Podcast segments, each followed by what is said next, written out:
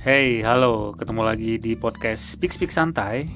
Kali ini gue akan membahas mengenai bola gitu di Premier League 2019-2020 udah mulai banyak kejutan-kejutan di hasilnya, skor-skornya dan kemarin juga di penutupan transfer window dari David Luiz yang menyeberang ke klub rival Arsenal dan drama transfer Lukaku yang akhirnya deal menuju ke Inter hingga Liverpoolnya Klopp yang sepertinya super pede gitu menghadapi musim sekarang dengan skuad yang sekarang dengan menjuarai Liga Champion.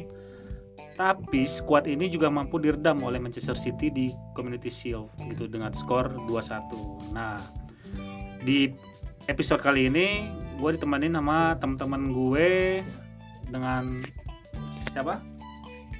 Aci. Akram Akram Adit temennya Bagja. I'm Paul Scholes Is this gila. Ya, gimana nih pendapat kalian mengenai seru-serunya Premier League yang sekarang udah mulai berjalan gitu. Nah, siapa kira-kira peluang tim menurut kalian yang bakalan juara musim ini? Apakah masih tetap Liverpool atau Man City? Atau ada nggak nih pandangan kalian gitu mengenai kontender yang menarik untuk disimak? Gitu. Nah, Nggak tahu. Nah, coba ceritain penantang gitu kan, penantang bagi dua tim itu. Oke, Oke. Apa ya? Ada nggak Mas Aci ini ya? Eh, apa? kalau salah satu calon-calon juara sih masih menurut secara objektif sih gue masih megang City ya sebenarnya ya ngomongin objektif karena menurut gue pribadi kedalaman squadnya mereka tuh eh, salah satu yang terbaik lah di Liga Hingga ke benchnya juga ya. Hmm, kedalaman squad masuk benchnya pasti.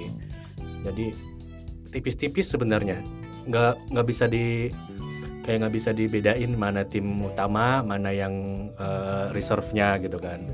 Cuman tadi eh, ada juga dalam tanda kutip ya pendatang baru nih yang bisa bisa eh, memberi kejutan seperti MU yang lagi lagi naik-naiknya menurut gue dan secara permainan juga mereka kayaknya mulai balik lagi nih kalau dilihat yang dari partai pertama ya. Kayaknya ya kalau dari Hmm. tadi malam Lihat dari dilihat ya. pertama ini sih kayaknya mulai balik lagi seperti eranya Alex Ferguson ya Bapak Adit ya. Ya. itu salah satu kontainer menurut kontender menurut gue yang yang yang yang menurut gue sih bisa dijadikan salah satu inilah eh, calon juara juga. Terus eh, Chelsea ya karena mungkin Lampard kali ya, gue nggak ngerti deh. Eh, dia emang belum punya pengalaman kan, baru Iya. dari Baru dari ini baru dari derby yang secara kualitas juga belum belum kebukti. Cuman mungkin diambil karena dia diambil karena dia eh, punya punya darah Chelsea kali gitu kan kan kayak kayak ya Paul membangunkan DNA-nya Chelsea kuat teman secara taktik ya masih belum dapet kayaknya. Heeh. Tapi eh, sepakat juga sih kalau kata Aci tadi ngomong kan City bisa dibilang masih peluang paling gede ya. Karena kemarin Mourinho tuh pas kemenangan MU lawan Chelsea itu sempat ngomong eh, MU dengan kedatangan back-back yang mahal itu ya itu mainnya bagus dan potensi untuk juara gitu. Tapi karena dari dulu juga Mourinho kayaknya eh, keke banget pengen datengin back ya kalau Iya. untuk nambal dari MU ya. Ya, dan dia bilang tuh bahwa semua tim punya peluang juara gitu, tapi kemungkinan yang menang tuh eh, bisa aja Manchester City B, dia bilang gitu. Ya itu karena City itu kedalaman skuadnya kan luar biasa kan. dalam. Iya, dalam banget. Dalam Pak. 9 cm lah Widis. Nah soalnya gini, kalau dari ya itu kayak kata Aci juga, kalau menurut gue juga di di musim ini ada kemungkinan kayak eh, City kayak bakalan hat trick gitu musim ini karena squad yang udah mulai padu gitu kan ya berpengalaman, stabil eh, di dua musim semakin ciamik lah gitu saat dipoles Pep Guardiola gitu. Walaupun gue sebagai diehard fansnya Man United ya kan, eh, tapi ya gue berusaha objektif juga gitu kalau melihat eh, Premier League di musim ini gitu. Eh, kalau dari Mas Akram sendiri tanggapannya gimana? Kalau dari aku sih ini mas, kalau ya kalau dari aku kalau ngelihat Premier League yang sekarang tuh kayak ngelihat Liga Spanyol sebenarnya, bukan Liga Campina ya bukan bukan. Kenapa tuh? Liga Spanyol? Soalnya yang kelihatan bisa juara cuma dua tim sebenarnya. Kalau nggak City ya Liverpool. Cuman kita sama-sama nggak tahu nih sebenarnya yang akan juara yang mana. Kalau aku sih nambahin aja. Eh ini karena kita masih awal banget ya, awal awal game banget lah nih si Premier League ini. Jadi sebenarnya terlalu dini kita bilang oh Manchester City lalu Liverpool gitu kan. Sedangkan kita eh, punya Tottenham Hotspur juga, punya Arsenal, punya Man United yang semalam bermain cukup bagus lah lawan Chelsea walaupun dua dua apa namanya dua tendangan yang membentur tiang itu menurut Bahaya, saya ya? itu sangat membuat down uh, mentalnya pemain Chelsea sih gitu. Nah jadi em, ya balik lagi sih karena baru awal jadi kita nggak bisa kalau secara ini nggak bisa menjudge oh si Manchester City Liverpool dan eh, dan Man United yang akan menjadi Tapi juara kalau juara. kalau dilihat Hmm. dari pekan pertama nih ya cuman MU dan City loh yang bisa menang skor gede loh. Sama Liverpool pak. oh iya sama Liverpool ya. Tapi kalau bisa dibilang eh, gua kan nonton Liverpool lawan Norwich ya. Nah streaming dong. Fakir Tapi Arsenal juga walaupun skornya kecil, cuman dia eh, clean sheet, Iya, clean iya, sheet, ya kan? tapi yang mainnya ya menurut gue ya eh, yang mainnya bagus banget sih menurut gue dari semua pertandingan cuman City sama MU gitu. kenapa? Satu eh, kalau MU gue suka banget nih seperti yang tadi gue bilang eh, MU itu Ferguson banget nih sekarang. Eh, ngelihat Martial sama Rashford itu ngingetin gue sama Andy Cole sama Dwight York kan terus bedanya dia eh, sekarang itu nggak main long pass aja kalau dulu kan zaman ada David Beckham kan Iya, ya, Iya. crossing crossing ya. Mm-mm. Kalau sekarang mungkin kayak ngandelin Pogba ya kemarin kemarin tuh ya. Iya sebenarnya long pass juga, cuman kalau pas eranya Beckham kan dari sayap ya kan, sama sama Giggs. Iya. Ini ya dari tengah tetap Tengah sih iya. lambung-lambung long pass juga sih kalau menurut gua. Ya, kayak seperti gol keduanya Marcus Rashford itu Ah. Jangan di MU doang dong. Enggak, ini kan contohnya kasusnya. Lagi di United nih ngomong-ngomong pertandingan semalam kan, United versus Chelsea kan. Itu menurut saya sangat brilian ya si eh, an- eh sorry. Paul Paul Pogba, Paul ya. Pogba. Paul Pogba ya, mengirim umpan dari lapangan tengah ke depan Rashford. Ya dengan touch yang sangat bagus sekali dari Rashford sehingga menghasilkan gol yang sangat bagus sih menurut saya itu. Pekan gol gol pertama di Bisa aja Pekan- main kotor. pekan pertama yang sangat bagus ya. Eh, Mas Akram. Iya bener sih. Makanya eh, MU tuh menurutku nge, nge mem- mempertahankan si Paul Pogba tuh bener banget kan rumornya udah kenceng banget mau pindah tuh. Iya. Cuman akhirnya tetap tetap bertahan kan. Ya walaupun dia kontroversial sama Bengal, cuman buktinya di pertandingan kemarin emang vital banget perannya sih. Bener sih, cuman eh gue sebenarnya waktu pas yang masih belum mulai pertandingan ya, waktu pas masih di transfer window, gue sebenarnya salah satu orang yang eh pengen ya kalau Pogba mau keluar keluar aja gitu, Em, karena ya menurut gue kayaknya Pogba itu orang yang bisa merusak tim lah gitu di di di dalam gitu. Cuman ya kalau ya menurut gue sih sepakat mungkin semua orang sepakat gitu ya kalau Pogba punya skill yang yang yang yang bagus lah gitu karena ya kemarin juga kan juara juara dunia Juara gitu kan dunia. ya gitu. Iya, enggak Nggak ada benar bridging-nya. Kalau gua ngelihat po- eranya Pogba yang pas dia ke Juventus kan eh itu sebenarnya berasa banget kan perannya dia di situ tuh. Eh, terus sepeninggal Pirlo di Juventus baru tuh eh, baru kelihatan tajinya Pogba dan orang-orang pada klub-klub lain pada mulai melihat oh Pogba bagus ya gitu kan. Kenapa dulu dibuang? gitu maksudnya gitu. Nah terus akhirnya pindah lagi ke MU era Mourinho yang menjadi pernah jadi salah satu pemain termahal kan. Sempat melempem gue nggak tahu sih kenapa emang skemanya Mourinho yang nggak ngasih kebebasan di Pogba atau gimana. Cuman pas sekarang di Solskjaer dia mulai mulai kelihatan lagi sih eh, umpan-umpannya segala eh, dan gak banyak tingkah juga sih kalau yang sekarang sih se se, se- pengamatan gua ya. Ah, cuman gini nih, gue sebenarnya juga punya kebingungan yang mungkin ya kalian bisa kasih prediksi lah gitu kan ke, ke I have no idea gitu soalnya. Kenapa Man City yang begitu eksplosifnya di liga di Premier League gitu kan dengan torehan gol yang selalu ya selalu besar lah gitu kan skornya gitu. Tapi kalau kita lihat di Champion kayak yang yang nggak ada apa-apanya gitu. Bahkan tidak pernah menembus semifinal kalau nggak salah gue ya.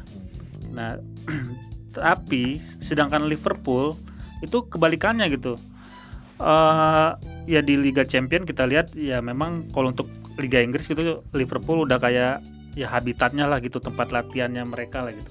Oh, kalau itu kaitannya sama DNA, histori udah susah.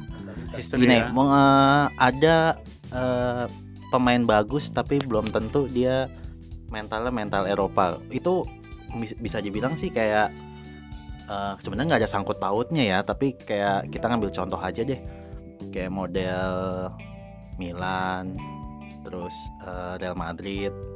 Real Madrid tuh waktu zamannya eh ingat nggak waktu final Valencia lawan Valencia tuh nah itu kan nggak nggak diperhitungkan banget gitu tapi ternyata dia bisa menang la- 3-0 kan ya balik lagi kayak terus Liverpool siapa yang kalau gue sih ya musim yang kemarin champion Liverpool menang nggak ada yang nyangka. Gue juga nggak nyangka Liverpool bisa masuk gitu. Tapi balik lagi mentalnya aja yang udah histori dukun main dukun kayaknya. Sepakat dengan Mas Adit. Itu lebih ke mentalitinya sih. Betul.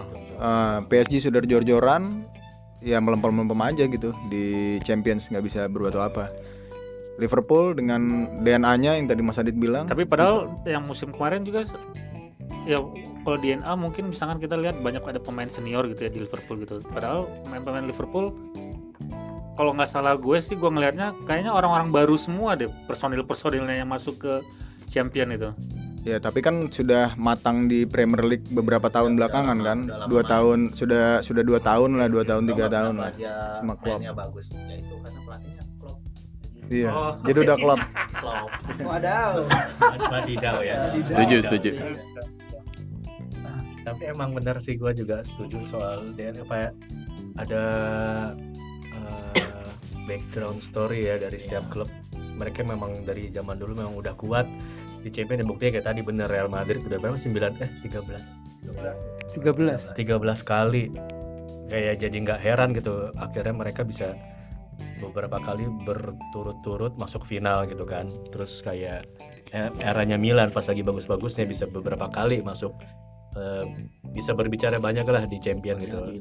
Tapi keren sih ini Mm-mm. maksudnya yang kemarin sih maksudnya All England Champion gitu ya All England Final gitu di di Liga Spurs sih Champion yang iya gitu Spurs kan juga kadang-kadang ya ada faktor X juga yang nggak bisa di wah anjing Spurs yang masuk gitu maksud gitu kan Terus sebenarnya Ajax juga punya sejarah yang lumayan kan di Liga Champion kan Iya benar benar. nah itu kadang-kadang ya ada faktor X juga yang nggak bisa ditebak sih Iya cuman kalau ngomongin apa namanya tradisi juara gitu. Hmm. Dulu eh, Pep waktu di Munchen kan sebenarnya Munchen Hmm. punya tradisi juga kan. betul-betul Cuman ya gak juara gak juara juga gitu. Apa gara-gara kutukannya di Pep kali ya? Oh, Habis dia musim dua musim nih bisa aja nggak lolosnya tuh gara-gara eh, goal away semua kan? Maksudnya sebenarnya agregatnya sama nih. kurang apa kutukan apa Klopp ya kan Klopp kan iya ininya juara dua mulu Iya juga ya. jadi ada tanggapan lagi? Oh, kalau itu sih kalau menurut gue yang masalah Munchen itu dia kayaknya emang apes deh ya. yang pertama kan Pep eh, waktu kalah sama Inter itu pelatihnya siapa sih Munchen? Itu Pep. Pep ya? Kalah sama Inter. Iya, yang kalah sama Inter 2-0. Bukan, bukan, bukan ya? Pep. Si ini. Bukan, bukan. Bukannya yang yang tua itu, yang Oh, yang orang Turki. yang habis itu juara. Siapa? Fatih Terim? Iya, Jupp Heynckes kayaknya. ada. Enggak kayaknya sih emang ya agak susah sih kalau kita ngomongin cuman ya balik lagi Liverpool emang mentalnya kalau dibandingin sama Hotspur yang kemarin ini bagus Liverpool ya. Buktinya tapi kan orang bilang sebenarnya final kemarin tuh walaupun sesama Inggris dan mainnya sebenarnya Inggris cepet-cepet tapi kemarin di orang bilang kan banyak final yang paling membosankan. kan gitu. Apalagi Iya.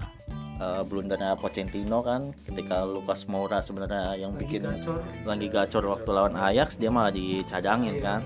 Malah masukin si enak gitu kan kane kane padahal dia habis cedera kan Tapi emang Spurs gebrakan sih ya, kalau menurut gua bisa. eh ya, iya dan dan banyak tapi nggak nyangka juga mengenai Ajax yang akhirnya bisa sampai ke semifinal ya. Semifinal. Itu menurut gua banyak yang nggak nyangka sih. Ya, cuman musim musim kemarin Ajax di Champions mainnya emang bagus banget sih. Iya. Emang harus diakui emang bagus beneran bagus banget. Zayat. Jadi mungkin emang sebenarnya pemainnya emang berkualitas berkualitas sih. Makanya diambilin klub-klub Dan ini kayak Top, kayak kan? generasi yang mengulang yang terbaik yang dulu apa zamannya Frank de Boer gitu ya. ya bisa bilang Ya kan? Generasi-generasinya itu gitu. Tapi generasinya Van de Boer bisa bisa juara Champions. Kalau ini kan belum kan. minimal ikut Liga Champions lah Iya. daripada Memang tapi- Memang skuadnya skuad skuad muda semua sih memang sih, skuad muda. Ada yang tuir pak. Si siapa? Dusan Tadik. Yang mantan pemainnya. Masih di bawah 30 dia masih juara Tapi kebanyakan kan pemain bintangnya pemain-pemain muda semua kan? Iya sih. Iya kan? Cuman si Tadik emang ba- lagi bagus juga sih musim kemarin. Kok di Spurs gak bi- eh kok di Spurs di Southampton nggak bisa segacor itu ya. Nggak, tapi balik lagi ya ke Liga Inggris nih ya. Eh, menurut gue sih emang terlalu dini ya untuk eh, kita ngomongin bahwa yang juara tuh City segala macam gitu.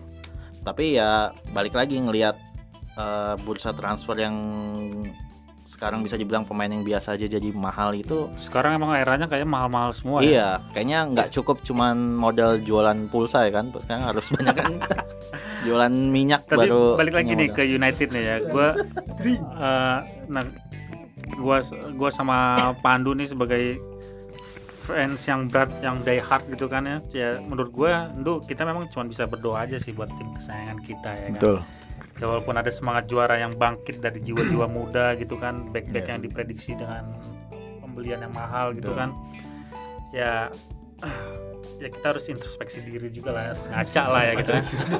harus harus harus ngaca lah gitu kan ya kalau tim-tim Sox apa tim yang lagi dipegang sama Soxjar ini gitu ya Betul. mungkin investasi buat investasi di masa depan lah gitu. Betul.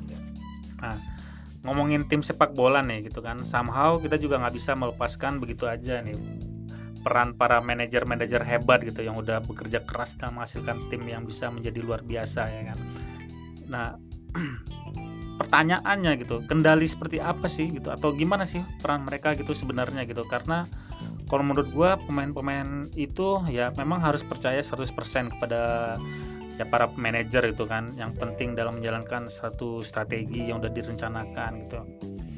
Ya tapi kepercayaan itu juga harus dibayar dengan kemenangan yang menurut gua itu juga salah satu sebagai apa ya eh, rasa percaya diri bagi pemain-pemain mereka gitu kan. Nah, gimana tuh kalau mengenai peran-peran manajer sekarang ini gitu mengenai Klopp, Guardiola atau bahkan ya menurut gua lampar-lampar pisang gitu kan ya Ampar dong. Itu klub dulu deh yang lebih ngerti deh. Nih, Fans klub- Liverpool. Ya, Mas Aci monggo. Kalau dari aku sih eh, pelatih sekarang tuh selain kemampuan Manajer ya, ya manajer lah, manajer lah istilahnya di Inggris ya. Manajer sekarang tuh selain kemampuan taktikalnya dia harus dapat respect juga dari pemain. Soalnya dilihat dari kasusnya Mourinho aja. Hmm. Dia kalau menurut kayak musim kemarin tuh dia mau rubah taktik kayak apa aja tetap gak masuk di pemainnya karena pemainnya udah hilang aja respect ya. Hilang respect Nah begitu diganti Solskjaer, ya istilahnya Solskjaer cuman bilang, udah main lepas aja, main santai, main seneng gitu. Jadi bagus mainnya istilahnya ber- punya tenaga Santuy gitu-gitu. ya. Iya langsung santuy gitu. Iya, Tapi Solskjaer juga ya eh, pas dia baru-baru masuk MU kan berapa pertandingan tuh United selalu menang kan. Saya sebagai fans juga wah ekspektasi tinggi nih minimal bisa peringkat Tinggi. tiga lah gitu kan. Ternyata habis Jangan, eh, Bos. yang em, Champions yang lawan PSG langsung melempem tuh. Nggak tahu kenapa tuh. kedodoran ya. Kedodoran langsung. Nah itu maksudnya nggak ngaruh juga sih maksudnya si Solskjaer nih baru masuk terus dia ngasih perintah oh ya main santai segala macem. Tapi buktinya udah berapa pertandingan setelah mereka menang tiba-tiba kedodoran nah itu kenapa tuh? itu kalau kata Mourinho kan itu honeymoon periodnya si Solskjaer tuh udah lewat mas Pandu. Jadi istilahnya impact. Makanya Mourinho bilang ketika saya keluar saya digantiin siapa pun pasti MU bagus. Karena pemainnya seneng. Seneng istilahnya Mourinho keluar gitu. Nah giliran udah habis nah si Solskjaer tinggal ya istilahnya dia harus muter otak lagi ya kan? Gimana nih? gimana nih? Semangatnya udah mulai habis nih ya kan? Kalau gua sih nganggapnya eh mungkin secara taktik, taktik atau skema udah mulai ketebak kali ya yang setelah Oh, bisa, 9 bisa, bisa, pertandingan di Liga Inggris beruntun menang terus itu kan mungkin secara taktik udah mulai ketebak dan eh, mungkin juga pas kemarin lawan PSG itu mereka punya PSG punya pemain-pemain yang tepat untuk meredam taktiknya Solskjaer yang udah 9 pertandingan di Liga Inggris. Eh, udah ketahuan nih gaya mainnya seperti ini gitu kan. Eh, itu bener juga mungkin ya eh, honeymoonnya apa tadi? Honeymoon period. honeymoon periodnya Solskjaer yang akhirnya udah wah ke, ke- mungkin pemain-pemain juga ke apa ya kepedean kali ya. Iya, ah bisa. udah ketemu menang terus ini pasti besok menang lah gitu. Eh tiba-tiba ya itu tadi mungkin kete, udah ketebak gitu. Nah itu yang jadi jadi eh, masalah atau mungkin peran pentingnya manajer di liga-liga Eropa terutama Inggris nih yang sekarang eh, gimana kita tetap mereka tetap bisa dinamis ngadepin banyak tim yang berbeda-beda kan. Terutama kan kalau di Inggris kayak lebih banyak nggak ketebaknya sih sebagai kita sebagai pemain-pemain fantasy Premier League ya bisa aja bisa aja klub yang urutan keberapa tiba-tiba menang lawan eh, tiga besarnya Liga Inggris gitu kan. Itu menurut gue dari musim kemarin gitu kan nggak susah yang paling ketebak paling cuman si tahun musim kemarin ya City sama Liverpool paling gitu kan yang mungkin tapi akhir-akhir udah banyak yang bisa ngejegal-jegal gitu yang urutan-urutan bawah urutan tengah gitu kan Bapak jatuh Pak. Nggak, tapi gua rada bingung sih sama Liga Inggris kan kalau model liga yang lain kan yang namanya eh, pelatih ya pelatih gitu kan enggak enggak itu Italia dong. Technically only Boleh gitu ya. sih? Boleh anjing. Teknis Enggak, doang karena- kali ya gitu karena, ya. eh, gini eh, dulu zamannya gitu ya. zamannya Sir Alex jadi manajer MU gua dulu waktu zaman kecil ya gue berpikiran bahwa manajer itu ya pelatih gitu kan tapi kan ketika MU ja- ja- dipegang Sir Alex manajernya ya lo ingat nggak ada pelatih eh, ada tim pelatihnya sendiri yang Iya. dulu sempat pelatih Portugal ya? Pelatih Portugal pertama kan? Queiroz, ya. Carlos Queiroz kan? Nah itu kan Asisten manajer.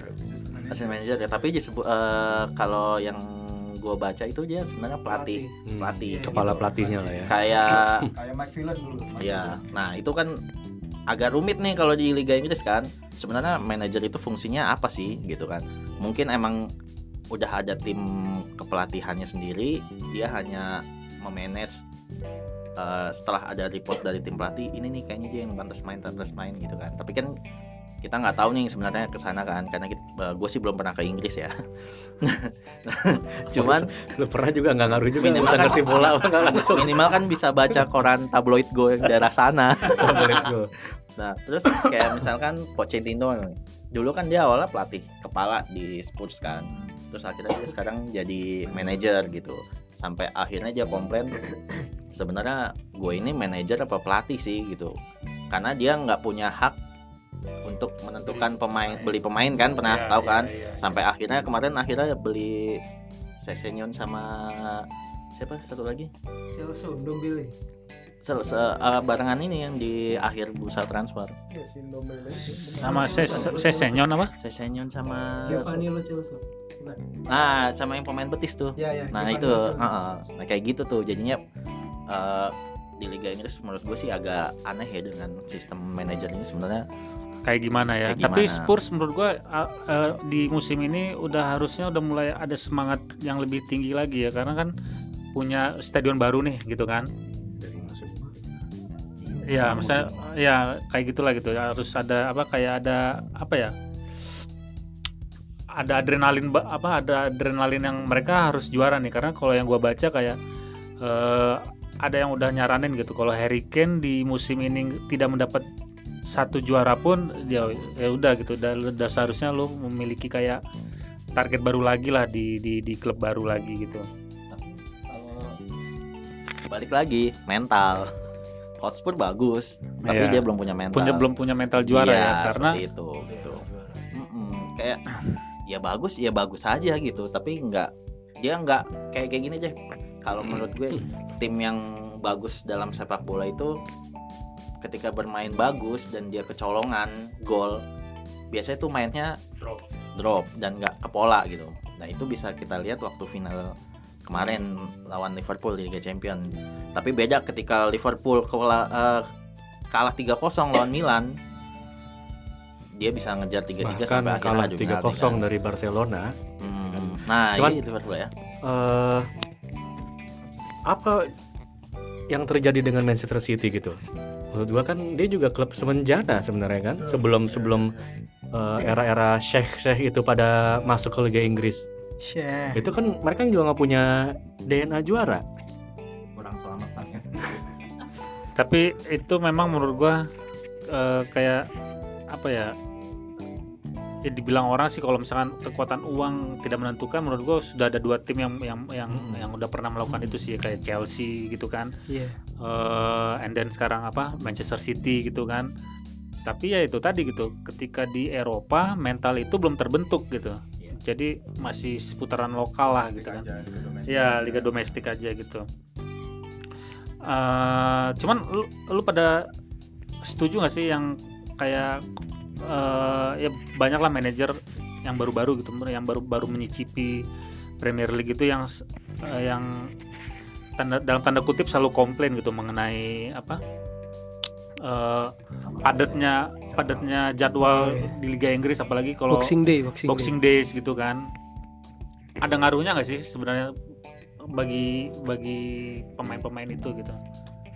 Kalau eh, beberapa tahun yang lalu kan sampai dijadiin alasan pemain Inggris tuh nggak bagus di di Li- Piala Dunia, di Piala Dunia, ya. eh, di Piala Eropa karena jadwal ininya terlalu padat. Cuman sekarang kayak liga lain malah mulai ikut-ikut kayak Italia tuh mau bikin Boxing Days juga kalau nggak salah. Jadi apa namanya? Oh dari musim lalu malah udah ya. Tuh.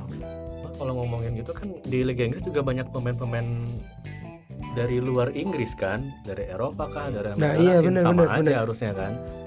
Lumayan banyak loh malah mau kalau dibilang kalau mau dicari persentasenya mungkin kebanyakan klub-klub Inggris eh porsi pemain Inggrisnya nggak lebih banyak kan, apalagi tim-tim enam besar, tiga besar.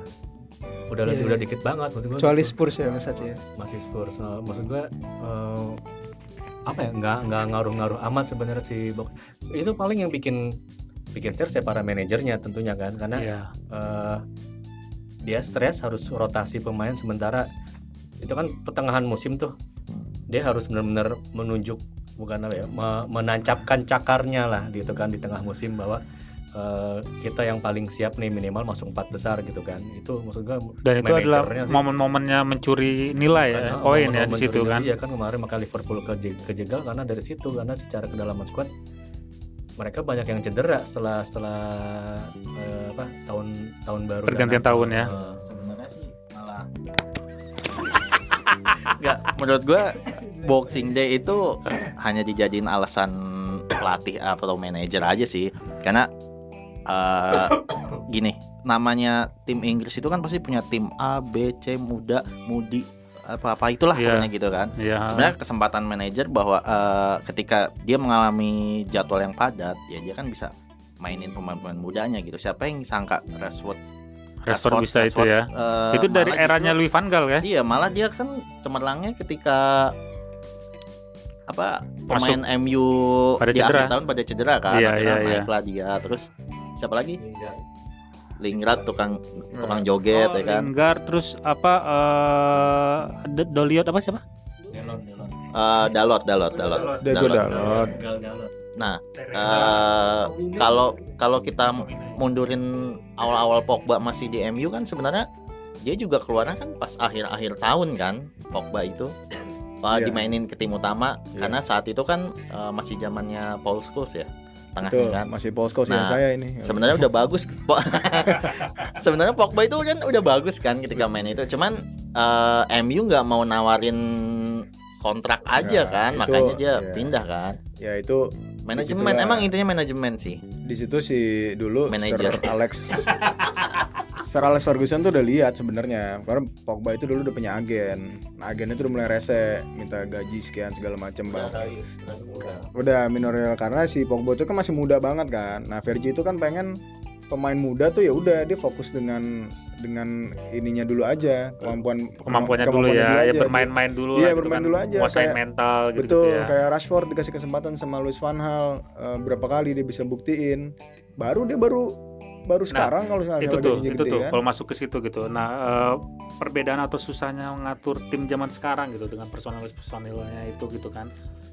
Zaman zamannya itu gitu. Di zaman Opa Vergi atau ya kayak Wenger gitu ada perbedaannya nggak sih? Karena menurut gue gitu sepertinya di individu individu manusia si pemain-pemain itu sekarang kayaknya udah mulai bergeser gitu. Kayak eh, eh, ada yang ada yang dari beberapa musim yang lalu itu gitu yang katanya eh Fabregas atau Hazard gitu yang yang yang bisa kayak ah udah nih kalau main kalau kita apa kita keluarin aja deh dia gitu kan. Udah mereka kumpul nih gitu kan apa bermain gitu apa ngobrolin ah kita main jelek aja yuk gitu kan supaya kita ganti pelatih gitu gitu Ya, nah kalau di zaman dulu kan kayaknya eh, manajer itu memang berperan ya, Ya, siapa lebih besar tangan, tangan gitu besi kan, lah, ya. tangan besi lah. itu kan Iya, ya, sampai betul. paling apa Ya, ya kayak zaman Sir Alex juga kan. Ya, pokoknya istilahnya eh, tidak ada nama pemain lebih besar daripada nama klub Nah, ya. betul. Sir Alex ya. Iya. Cuman menurut gue sih perkembangan zaman sih Ja, yang bikin pemain itu kayak kompak gitu kan kayak udahlah kita pura-pura bego ya biar pelatihnya yang disalahin gitu kan. Ya baik lagi karena mungkin teknologi itu handphone pemain milenial anak-anak gitu iya, namanya. ya kayak Lingard kan sekarang Lingard kan milenial. eksis banget kan di Instagram Lingard, jangan lupa di add deh. Rashford kayaknya semuanya sih hampir semua pemain lah ya. Iya, iya. sekarang. Kalau dulu kita lihat Paul Scholes itu kerjaannya cuman nganterin anaknya Ah, ma- pulang minum teh, sama Lalu orderan jemput- kebab ya. dia jemput anaknya, dia, eh, dia latihan, jemput anaknya, dia nidurin anaknya, dia nonton TV, besoknya dia latihan. Makanya mainnya selalu bagus gitu. Gitu. Tapi dia sering mabok kan si Paul. Paul Gascoigne. Oh itu salah Paul ya beda. Gascoigne. Oh beda Paul. Gascoigne beda. Paul bumerang ya. Paul Gurita gitu nggak mungkin selain apa namanya eh dia aktif di mes- medsos mungkin karena eh, dia sekarang kan orang jadi gampang tahu kan dia punya fans tuh berapa banyak gitu jadi mungkin dia ngerasa wah ini banyak nih yang dukung gue sebagai eh, pemain MU nih jadi mungkin dia ngerasa lebih gede gitu misalnya dari pelatihnya gitu Iya, mungkin dan- ya mungkin Dan satu lagi, agen. Wah, agen tuh Oh iya, benar, benar, sangat benar, benar, sangat benar. berpengaruh. Agen Iya, iya. itu istilahnya tuh apa ya? Muaranya si inilah se- semua Iya, karena kadang pemainnya baik resean tuh agen gitu. kadang pemainnya baik-baik aja agennya Betul. nyuruh rese Agen gitu ya nyuruh rese. eh minta kontrak baru dong gitu ya Betul, minta kontrak baru. Memang dulu pemain dulu juga udah ada sih bagian yang pakai agen. Tapi Iya itu dia Gua- gua makanya sih, komersil gua sekali sih. sekarang kan pemain tuh komersil. sepakat gua sama statementnya Mas Pandu nih Agen itu pemain Mas bola Pandu Scholes. pemain bola sekarang tuh kayak sinetron pak kayak pemain sinetron mumpung lagi laku gue harus jual mahal Iya, gitu ya kan walaupun ya sebenarnya ya kayak kasusnya BB waktu di MU Sir Alex kan kecolongan ketika hanya ngelihat video dari YouTube kan dari si yang bawa si BB ternyata seperti mainnya ini katanya seperti eh, Drogba Drogba New enggak, Drogba seperti ini loh. seperti membeli kucing dalam karung gitu. Iya, iya. Kan katanya kalau gue sih sempat ngeliat tuh videonya kan. Karena gue juga sebenarnya jagoan gue di Inggris MU dulu, dulu, dulu ya. Nah, gue ngeliat skillnya BB tuh di YouTube dari 2-3 video, emang bangsat nih pemain tuh kayak Yuga lah Yuga kalau di Subasa. Soalnya geliak liuk liak liuk. Ya ternyata pas ya mungkin emang kaget kali dia yang main di rumput yang bagus. betul bukan bukan main di MU, bukan- mainnya Tapi karena rumput yang apa bagus. yang apa pun itu yang namanya karena udah jadi industri ya udah pasti duit kan Ya, susah. Nah, ini industri sepak bola tuh sangat sangat menggiurkan Iya benar. beberapa presiden FIFA aja kan. Presiden FIFA aja kan kena korupsi. Apa UEFA Michel Platini segala macam. Maksudnya sedemikian menggiurkannya duit itu. Maksudnya kayak ini deh CR7 umur 34 Iya. 100 juta nilainya kan masih masih 100 juta nilainya dan, Dan bisa balik beli modal Juventus. belum sampai setahun kan di Betul. Sih. belum belum setengah musim udah balik modal Juventus Iya, gitu kan. Tapi kayak gitu maksudnya nggak heran sih kalau yang zaman sekarang. Jadi akhirnya ya pemain-pemain yang merasa kepedean merasa gue punya skill nih gue banyak banyak backingan fans gitu ya udah gue ya entah itu bertingkah atau apa pun itu yang penting naikin exposure Siap, benar-benar. Nah, dari yang prediksi tim-tim yang bakalan juara nih gitu kan. eh ada nggak statement menurut kalian gitu atau pendapat kalian mengenai siapa nih yang bakalan jadi top scorer di musim sekarang nih gitu? Atau eh, masih yang itu-itu juga kah atau bakalan ada yang ya kayak Salah, Muhammad Salah, eh, Aguero, Aubameyang gitu. Apa ada yang baru-baru lagi yang bakal kinclong lah gitu kan istilahnya di musim ini gitu. Aduh, agak susah sih ya. Kalau mungkin kandidat utama masih tetap Harry Kane sama Aguero ya, tapi kalau ngelihat Aguero main dari cadangan ya agak repot juga sih. Gue malah eh, nunggu nih Rashford mainnya lagi perkembangannya udah lumayan banget nih karena tukang lari terus langsung shoot. Pas banget sama Inggris kan, kick and rush kan habis nendang lari. Kalau Indonesia kan kick and rushnya nendang lawan. Lari, lari karena dikejar kan? Iya be- ada bedanya tuh. Nendang dan kabur ya. Iya. Nendang dan kabur. beda beda. Iya Iya. ya paling masih gue sih masih jagoin Raul Jimenez Wolverhampton tuh. Waduh, jauh nih wah boleh. Raul, menarik. Raul Jimenez. Menarik menarik. Itu demi fantasi Premier League ya? Enggak enggak enggak. Enggak tapi dia mainnya dia mainnya bagus banget buat Raul Jimenez. Oke. Kalau dari gue sama, hampir sama kayak Adit. gue pengen, eh karena gue fans MU kali ya, gue pengen ngeliat Rashford yang gajinya udah dinaikin jadi 350 ribu pounds per week itu. Gue pengen dia Bertanggung nge- jawab me- atas- bertanggung jawab atas apa yang dilakukan gitu kan. Berarti nomor 10 ya Apalagi pakai nomor 10, gue pengen dia at least 20 gol lah paling enggak lah, 20 gol atau 30 gol lah. 20 gol Liga Inggris, 10 itu ya kompetisi lain deh. Baru gue angkat topi lah buat Ma- Marcus Rashford. Tapi di di lain itu Padahal lu mungkin- nggak pernah pakai topi ya selama Oh ini. iya, baru nggak pakai topi sih. Dan Harry Kane sama Sterling. Itu dari gue. Sterling kacau sih kemarin. Sterling kacau ya setuju Sterling Sterling sebenarnya kalau gue pribadi ini opini pribadi ya ngelihat kemarin mainnya salah tuh kayak pertama kali musim pertama salah di Liverpool. Gue ngeliat seperti itu karena pas yang musim kemarin menurut gue masih ketutup karena habis cedera yang si Ramos Oh, itu kan yang Liga benar, Champions heeh. jadi kayak kayak trauma lah kayak masih hati-hati banget walaupun akhirnya tetap bisa ngambil top scorer kan bagi eh, bertiga ya. Top scorer bertiga cuman gue ngeliat kemarin baru partai pertama sih lihat cara bermain tuh mirip-mirip yang musim pertama itu. Eh, lebih lebih ganas lah lebih terengginas gitu kan. Terus penasaran sama siapa? Nicolas Pepe kalau gua. Itu kalau dari eh, apa? Walaupun posisinya sayap. penyerang Swiwi ya. Wah, saya ya itu itu menarik sih. Dan selain tentunya Swiwi. yang yang udah apa yang udah kayak ya langganan tadi lah Kane atau Sterling sih. oh Yusuf Kalau- Kalau dari aku sih kalau striker kayaknya gak jauh-jauh dari Aubameyang, Kane sama Salah ya. Kayaknya kalau kalau objektif secara objektif tuh Rashford kayaknya masih belum sih mas kayaknya. beda karakter sih Kan tadi kan saya berekspektasi. Iya iya iya. Soalnya kalau di di Premier League sekarang kenapa menurutku kayaknya nggak bakal ada kejutan gede di top score karena kayaknya nggak ada klub klub besar yang belanja striker sih yang musim ini. Berarti kalau menurut Mas Akram masih yang itu aja ya. Tapi Ag- Aguero kayaknya nggak ada yang disebut nih ya. enggak kenapa enggak belanja striker karena kebanyakan sekarang Liga Inggris tuh banyak kan pakai satu striker dan dia udah pada punya striker yang tajam. Iya, iya, Iya, kalau kita perhatiin ya, aja kan. kita perhatiin nih MU. Malah ngelepas Lukaku kan. Karena Iya. sekarang dia ganti main yaitu kick and rush itu ya kan. Bukan kan, kick and run. Iya, modal lari kalau sekarang MU. Terus Iya. di eh, Arsenal menurut gua Abu Menyang walaupun striker yang tajam tapi dia bukan target man.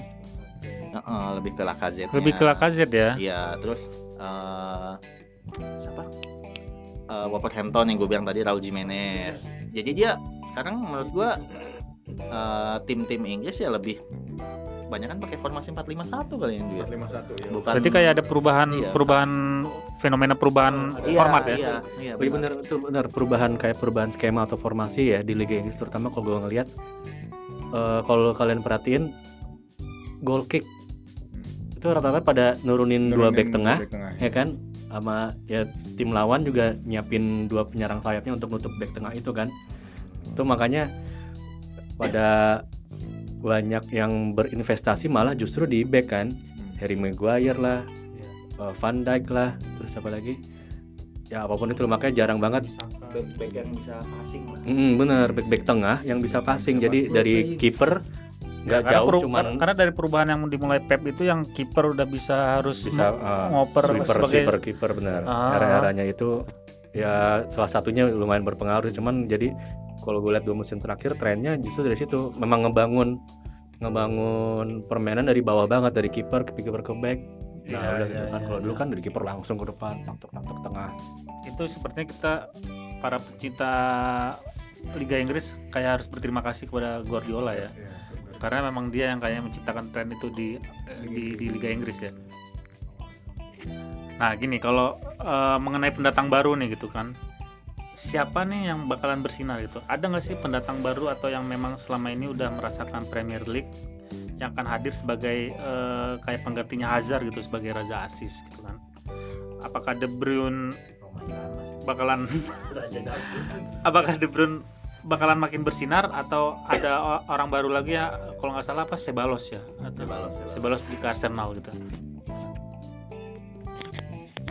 Kalau aku dari semua pemain baru yang datang paling ini paling nunggu Nicolas Pepe sama kayak Mas Haji sih. Soalnya waktu di Liga Prancis ya, waktu di Lille tuh bagus banget. Lille Apa, apa sih bacanya? apa? Lille. Lille ya. Ya, waktu di Lille ininya mainnya gacor banget menurutku. iya ya iya Walaupun belum teruji banget ya, betul. Liga Prancis kan ya sama Ya, kayak Lacazette kemarin kan Iya, harus harus harus butuh waktu sih. Kalau kalau kalau lu sih siapa pendatang baru? gue sih eh, banyak sih ada beberapa ya. Eh, bukan referensi apa, tapi maksudnya yang gua pantau nih termasuk kayak Daniel James ya, MU itu zamannya di Swansea. Swansea itu bagus banget ya kan apalagi kalau gua nggak salah dia sebenarnya dulu sempet di akademi Chelsea kan Iya. Mm-mm. nah dia akhirnya dipinjemin. Nah berarti kan otomatis dia udah merasakan aura Stanford Beast lah. Minimal dia beli jagung bakar kan di situ kan. Terus eh sayangnya sih Cebalos sebenarnya bagus. Cuman sayangnya dia cuman pinjeman kan. Jadi cuman semusim doang. Tapi kita kan nggak tahu next dia dipermanenin atau enggak gitu kan. Itu oh gua sih mau lihat banget juga sama Pulisic ya Nah, Oh iya, benar, itu benar. Pulisic tuh pendatang. Karena sebenarnya secara gua main di FIFA gua main di FM tuh nih anjing nih potensinya gede gitu sebenarnya nah di kedua di FM CM yang tua TM makanya CM tua banget. kehidupan sepak bola beneran beneran bagus nggak nih secara permainan kan dia emang pas di Dortmund emang bagus Emang kan? bagus, satu ya. sentralnya juga penyerang sayap Iya. kan memang diharapkan menggantiin Hazard sebenarnya kan Iya. posisinya Hazard cuman menurut gua kena ah, karena Hazard. Menurut gua sih Hazard terlalu besar dibanding Pulisic jadi bebannya lumayan sih. Tapi itu salah satu yang gua nantiin sih. Hazard itu pemain yang bagus dan mainnya hati-hati kan sesuai namanya kan. Oh, iya. Hazard. Hazard. Hazard. Hati-hati Kalau deh kalau Christian Pulisic mainnya ya tegas ya berarti. ya itu pas Hazard sama polisi kan satu ini kan. Pak Pulisic. Pak Pulisic, ampun Pak Oh. Pulisic. Chelsea nggak berani beli nomor 9 yang bener sih ya nggak berani kan investasi dia lagi kena ini kan Oh, iya. Iya. Oh iya, fair play apa? Iya, dia udah tahu kena transfer gitu malah jual-jualin ya. bodohnya Chelsea kan iya loh bodohnya Chelsea kan dia udah nggak bisa transfer walaupun dia ada sekitar eh 30-an lebih deh pemain-pemain yang dipinjemin ke luar itu yang nggak di, semua ditarik gitu kan makanya kenapa dia maksimalin Abraham cuman yang sayang banget kan dia ngelepas David Luiz gitu David kan. Luiz itu di benar-benar penghujung transfer Ah, window dan ya. dia dan dia mempercayakan Iya. eh, siapa back yang baru eh, yang balik dari Everton tuh? Zoma yang jelas-jelas tuh masih rentan cedera sih semenjak kasus kakinya tumit apa dengkulnya kegeser itu dia masih ya. Intinya sebenarnya eh, kayak gue bilang tadi sama Aci sebelum pertemuan ini ya sebenarnya Chelsea itu lagi berjudi nih dia lagi ngetes sih menurut gue ya Mhm. satu Lampard itu kan memang dari bukan yang pengalaman banget Karena aja Liga berbeda sih Inggris menurut ya. gua kalau kayak ngambil Lampard atau misalkan perbandingan dengan Solskjaer gitu. Solskjaer menurut gua Solskjaer. di liga yang sebelumnya gitu dia sudah juara gitu memegang Malmo Malmo memegang tim juara gitu kan Hmm. dan balik ke MU di tapi dia sempat Cardiff loh ya Cardiff Cardiff. memang menurut gua gagal total ya. ya Hmm. flop lah gitu.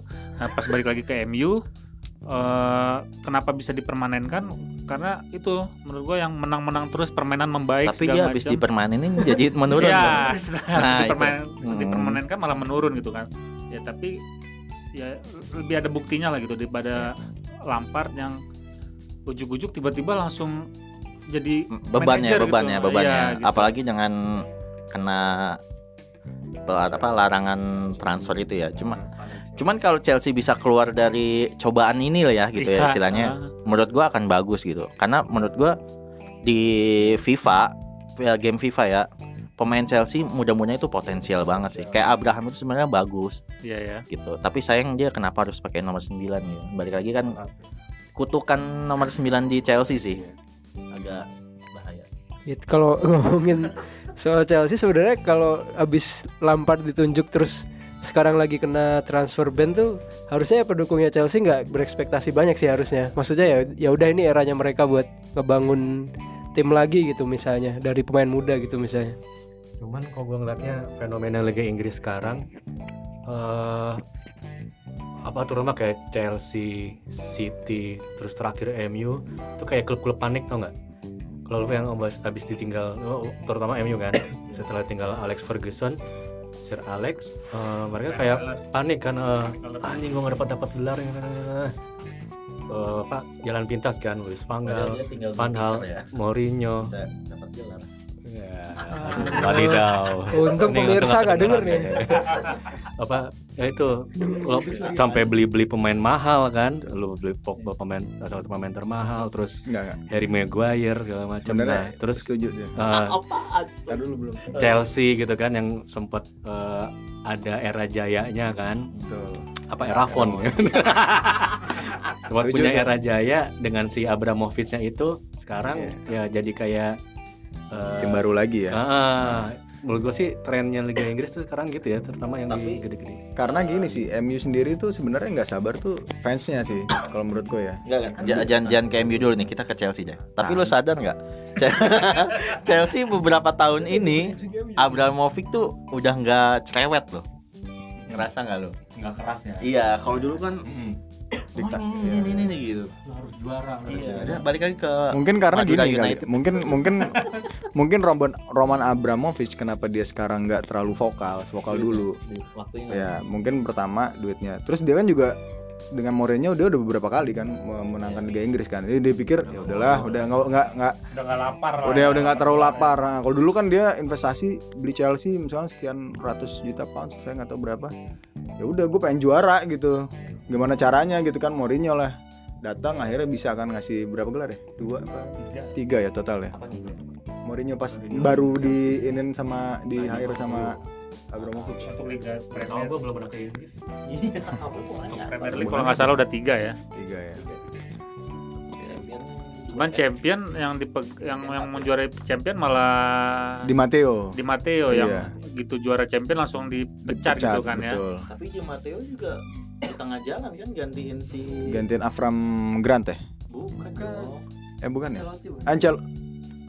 Bukan juga ya? Bukan. Enggak, Avan Gram itu eh justru malah juara kagak tahu apa ya. di Matteo iya bener di Matteo tuh ba- eh, di tengah jalan. Iya. Kalau iya, nggak salah aja gantiin si iya. Ancelotti bukan sih? Bukan ya? bukannya Mourinho ya? Ah itu kita cek aja di Google urusan Bagja itu.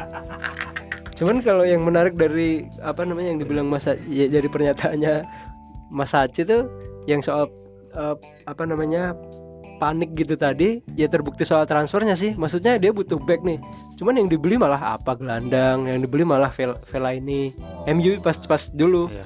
cuman sekarang kan kayaknya lebih terarah tuh Malah sekarang yang bener-bener yang udah dilihat memang lubangnya tuh di ber- pemain bertahan gitu kan yang Iya, dibutuhin ya memang mereka eh, investnya di pemain belakang gitu ya. John sama Smalling mah menurut gue. Iya. kayaknya transfer ngaruh banget sih di performa timnya tapi Liverpool tuh kalau nggak salah dia ada tim yang khusus buat nganalisa transfer gitu jadi pemain ini nggak akan dibeli nih kalau misal seandainya dia nantinya eh ininya nilainya turun terus gitu Ah, ada aku pernah baca di Pandit Football kalau nggak salah Anda promosiin Pak itu. ya Pandit Football oke Eh, Mania. mantap, mantap. Mancing. So, untuk kita sendiri nih sebagai penikmat dan manusia setengah bola gitu kan, memang begitu excitednya kalau bercerita tentang olahraga yang satu ini gitu. Eh sebagaimana optimisnya sih mengenai tim-tim kesayangan kalian nih gitu. Coba dari Mas Aci dengan Eh, Ini ngomongin apa dulu nih? itu be- tim kesayangan seberapa optimisnya bisa menjadi juara di Liga Premier eh, 2019-2020 saat ini gitu Iya, iya. Eh, mengenai tim-tim kesayangan gitu. Coba dari Aci. Aduh, saya sebagai fans Norwich City Aston Villa apa ya? Gue orang yang realistis sih maksudnya agak rasional. Ngomongin optimis tuh hmm, secara objektif sih ya pengen gitu kan. Pasti kan mm, eh, ngobrol soal tim favoritnya pasti pengen. Cuman kalau ngomongin objektif atau optimis pas ngeliat permainan City sama MU di game week pertama sih waduh dua yang berat menurut gua kan untuk disaingi gitu. Apalagi menurut gue pas kemarin gue nonton versus Norwich City Di Gua ngarep TV ya. di Mola TV, Mola TV Yahoo. TVRI please banyakin dong game-gamenya. Eh, apa gue ngarepin di babak pertama tuh udah 4-0 gue ngarepin ada malah justru lebih berkembang gitu ternyata malah si Norwich, Norwich City yang yang lumayan berkembang lumayan kalau ngeliat dari statistik di aplikasinya Premier League eh, bukannya Liverpool banget sih masih tipis-tipis banget gitu ball possessionnya dibanding si Norwich. Soalnya yang dari kedalaman squad ya yang bikin menang ya. bisa jadi. Maksudnya dari dua musim terakhir kalau gua ngelihat eh, Liverpool main tuh secara penguasaan bola bisa misalnya di akhir pertandingan Liverpool 700 eh, tim lawan mungkin cuma bisa 400 atau 300 gitu. Sangat mendominasi. Emang kemarin kelihatan banget nggak nggak mendominasi gitu dari itu dari awal nih baru game pertama gua gua sih gua harap sih bisa ya klub dan timnya bisa eh, evaluasi udah pasti evaluasi kan jadi eh, bisa lebih baik lah di ke depannya kalau ngomongin optimis apa enggak Dan yang pasti harus mungkin pecah. ya emang harus pecah telur sih Pecah pua- walaupun puasa ya. kemarin ya. walaupun kemarin tuh Liga Champions sangat melepas dahaga ya gitu kan itu Iya, sangat-sangat iya. melepas dahaga banget sih sebagai tim yang jarang juara tiba-tiba dapat Liga Champions itu, itu wah banget menurut gua cuman untuk Liga Inggris musim ini enggak sebegitu optimis sih kalau gue belum dulu ya Betul. Oke, dari Mas Akram gimana? Dengan tim Kalau dari Arsenal. aku yang sebagai orang yang kalau di Inggris tuh paling suka Arsenal kan. Musim ini sih transfer window yang paling melegakan sebenarnya dibanding musim-musim kemarin karena kan di Inggris paling banyak kan Arsenal tuh paling paling gede pengeluarannya di transfer eh, musim ini. Cuman kalau ya dibilang optimis optimis lah, optimis setidaknya lebih baik dari musim kemarin. Paling nggak bisa masuk champion lah. Cuman kalau ketiga besar kayaknya belum sih cuman pemain-pemainnya menarik sih ditunggu progresnya habis kemarin waktu game week pertama walaupun cuman satu kosong cuman kan dia bisa clean sheet kan jarang-jarang tuh Arsenal Nah, itu. Arsenal away clean sheet wah itu udah jarang-jarang banget lah pokoknya jadi Itu optimis lah. Dari Mas Adit, Apa? Ya baik lagi kan tadi gue bilang kalau di Inggris gue jagoannya MU kan. ya gimana nih Eh, optimisnya menghadapi belum op- belum optimis juara tapi optimis masuk Liga Champions sih. Kalau Oh. ngeliat mainnya kayak gini ya. Pandu gimana? Pandu Scholes? Setuju dengan Adit, gue juga nggak mau ekspektasi apa-apa walaupun pekan pertama mainnya bagus, tapi gue berharap em, Martial dan Rashford bisa em, memberikan depan ya. eh, memberikan apa eh, dampak yang signifikan untuk lini depan bagi United sehingga United paling nggak peringkat empat lah, tiga dan empat empat dan tiga deh. Kalau juara kayaknya gue belum belum inilah belum yakin lah. Berarti kalau satu dua menurut Pandu Kalau aku belum yakin tiga empat lah dulu lah. tiga empat ya. tiga empat dengan skuad yang sekarang. Oke. Tapi dia nggak bisa main bagus. MU. MU nggak bisa main bagus. Kan bagus ikut U18 di Indonesia. Oke, so eh, gitu aja obrolan kita di podcast Speak Speak Santai dengan tema manusia setengah bola ya kan. So, see you. Gue bulat Speak speak santai mania. Mantap.